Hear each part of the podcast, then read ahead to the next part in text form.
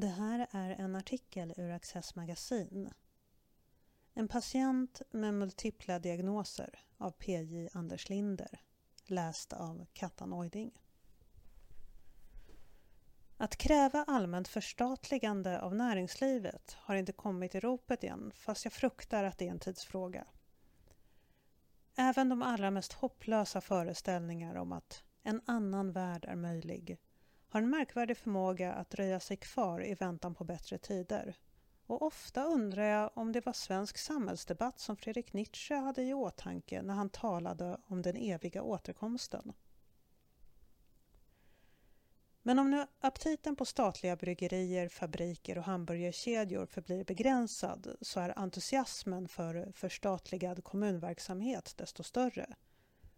Skola och sjukvård är två särskilt heta objekt. Citat. Förstatliga skolan omgående för eleverna, för lärarna, för kunskapsresultaten. Slutcitat. Förkunnar den liberala riksdagskandidaten Cecilia Rönn i Hallands Nyheter 18 maj. Hon har sin partilednings fulla stöd. Liberalerna har haft statlig skola som hjärtefråga länge och när toppföreträdarna Johan Persson och Mats Persson presenterar partiets vårbudget 2022 är budskapet en självklar beståndsdel. Citat. Liberalerna vill förstatliga skolan redan under nästa mandatperiod. Slutcitat. Vänsterpartister och sverigedemokrater är helt med på idén. Vad gäller sjukvården är det än så länge bara Kristdemokraterna som vill att staten ska ta över helt och fullt och regionerna bytas ut mot statligt styrda vårdområden. Fast Sverigedemokraterna umgås med liknande tankar och alla de andra partierna vill att den statliga styrningen ska öka. Det ska bli effektivare och mer jämlikt så. Polisen förstatligades 1965 hur mycket mer effektiv och jämlik brottsbekämpningen har blivit under de 57 år som gått sedan dess ligger bortom min förmåga att utröna. Men det är uppenbart att den gärna finge bli ännu effektivare. Att bara 4% av villainbrotten klaras upp kan inte uppfattas som tillfredsställande av någon, även om det är bättre än de 2 procenten uppklarade lägenhetsinbrott och de 0% uppklarade cykelstölder.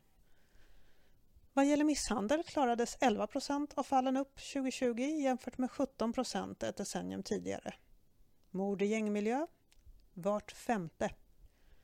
Ökad jämlikhet får inte heller någon dum idé, åtminstone i bemärkelsen att det bör finnas polis inte bara i storstäder och regionala centralorter, utan också i mindre samhällen och på landet. Den ökade jämlikhet som yttrar sig i att eh, Även landsbygden numera plågas av tung kriminalitet kunde vi däremot gärna vara utan. I Expressen 4 maj beskriver poliskommissarien Peter Torstensson, som flyttat till Dalsland från problemområdet Rinkeby i Stockholm, hur brottslighet och oordning har följt efter. Citat. Det ser mer eller mindre likadant ut i hela landet. Samtidigt har resurserna på landsbygden tunnats ut och kollegorna i området är bara hälften så många som för 15 år sedan. Citat. Våra egna poliser jobbar ofta som ensam patrull och har med tiden allt oftare fått backa vid ingripanden och invänta förstärkning som ibland dröjer en timme. De får i bästa fall tåla förolämpningar, i sämsta fall hot och våld Respekten för polisen minskar gradvis hela tiden." Slutcitat. Den 1 januari 2015 avskaffades länspolismyndigheterna och polisen blev en enda myndighet. Förändringen marknadsfördes som att polisen skulle komma citat, närmare medborgarna. Slutcitat. Men som en grupp poliser med sammanlagt över 1000 tjänsteår skriver i Expressen 19 maj har resultaten blivit att citat, polisen aldrig varit längre från medborgarna än nu. Slutcitat. Lokala och regionala folkvalda står utan inflytande efter att centraliseringen slog till med full kraft.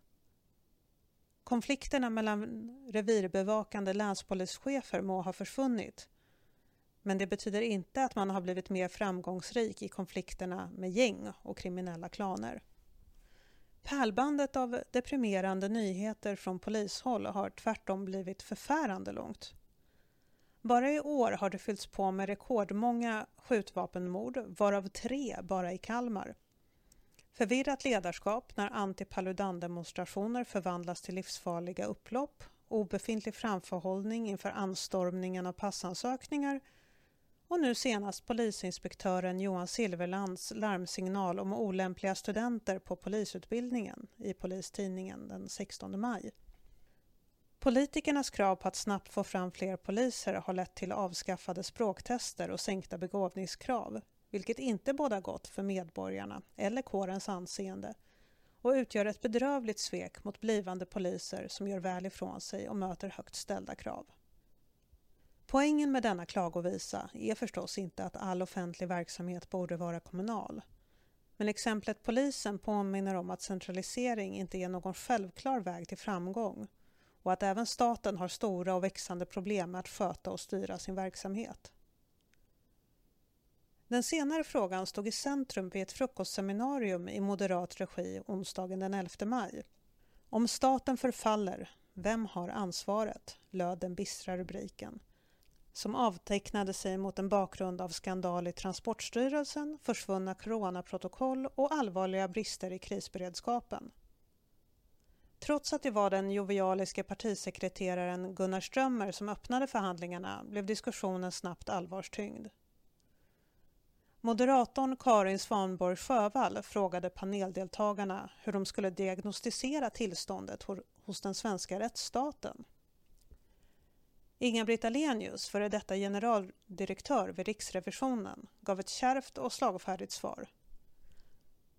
Du skickade ju ut elva punkter som underlag för diskussionen och min slutsats är att vi har att göra med en patient med multipla diagnoser. Alenius uppehöll sig särskilt vid bristen på ansvarsutkrävande och menade att det fanns en olust inom staten inför att ställa beslutsfattare till svars. Rickard Sannerholm, lektor i juridik vid Södertörns högskola, tog upp samma tråd. Premieras ansvarstagande? frågade han och menade att det är sådär med den saken. Han hänvisade bland annat till en studie från Statskontoret som visar att myndigheterna visserligen tycker att det är viktigt men också jobbigt med internt ansvarsutkrävande. Det lägger sordin på stämningen och krockar med populärare mål som innovation, entreprenörskap, driv och gemenskap. Sedan 1990-talet styrs mycket statlig verksamhet med mål istället för regler. Det möjliggör större flexibilitet men främjar också en kultur där distinktion mellan offentlig och privat inte blir lika tydlig. Axel Oxenstierna är en välkänd gestalt men intresset för att utveckla hans gärning har svalnat betänkligt. Paradoxalt nog i takt med att staten har svällt till en omfattning som skulle ha fått den gamle rikskanslern att häpna. Partierna grälar intensivt om miljoner och miljarder men hur mycket krut läggs på uppföljning av vad de väldiga beloppen åstadkommer? Hur intensivt och systematiskt arbetar man i regeringen med metoder för styrning och ansvarsutkrävande som ökar sannolikheten för att ambitionerna ska bli mer än fromma förhoppningar? Man kan hoppas och tro att förstatligad skola och sjukvård som genom ett trollslag skulle ge höjd kvalitet. Men vad är det som ska hindra att det går som med polisen? Förvaltningsfrågorna har blivit ett Svarte Petter-spel inom regeringen, sa Inga-Britt Ahlenius vid seminariet. Man skördar inga lagrar, plockar inga politiska poäng på att vara den som har till ansvar att se till att förvaltningen fungerar. Hon förordar att det löpande ansvaret läggs hos en opolitisk ämbetsman med placering i statsministerns kansli. Det ger kontinuitet och så har man det i många andra länder.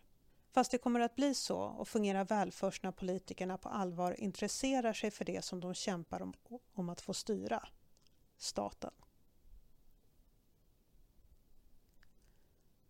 Du har lyssnat på en artikel ur Access magasin. För fler artiklar, poddar och Access TV besök oss på www.access.se.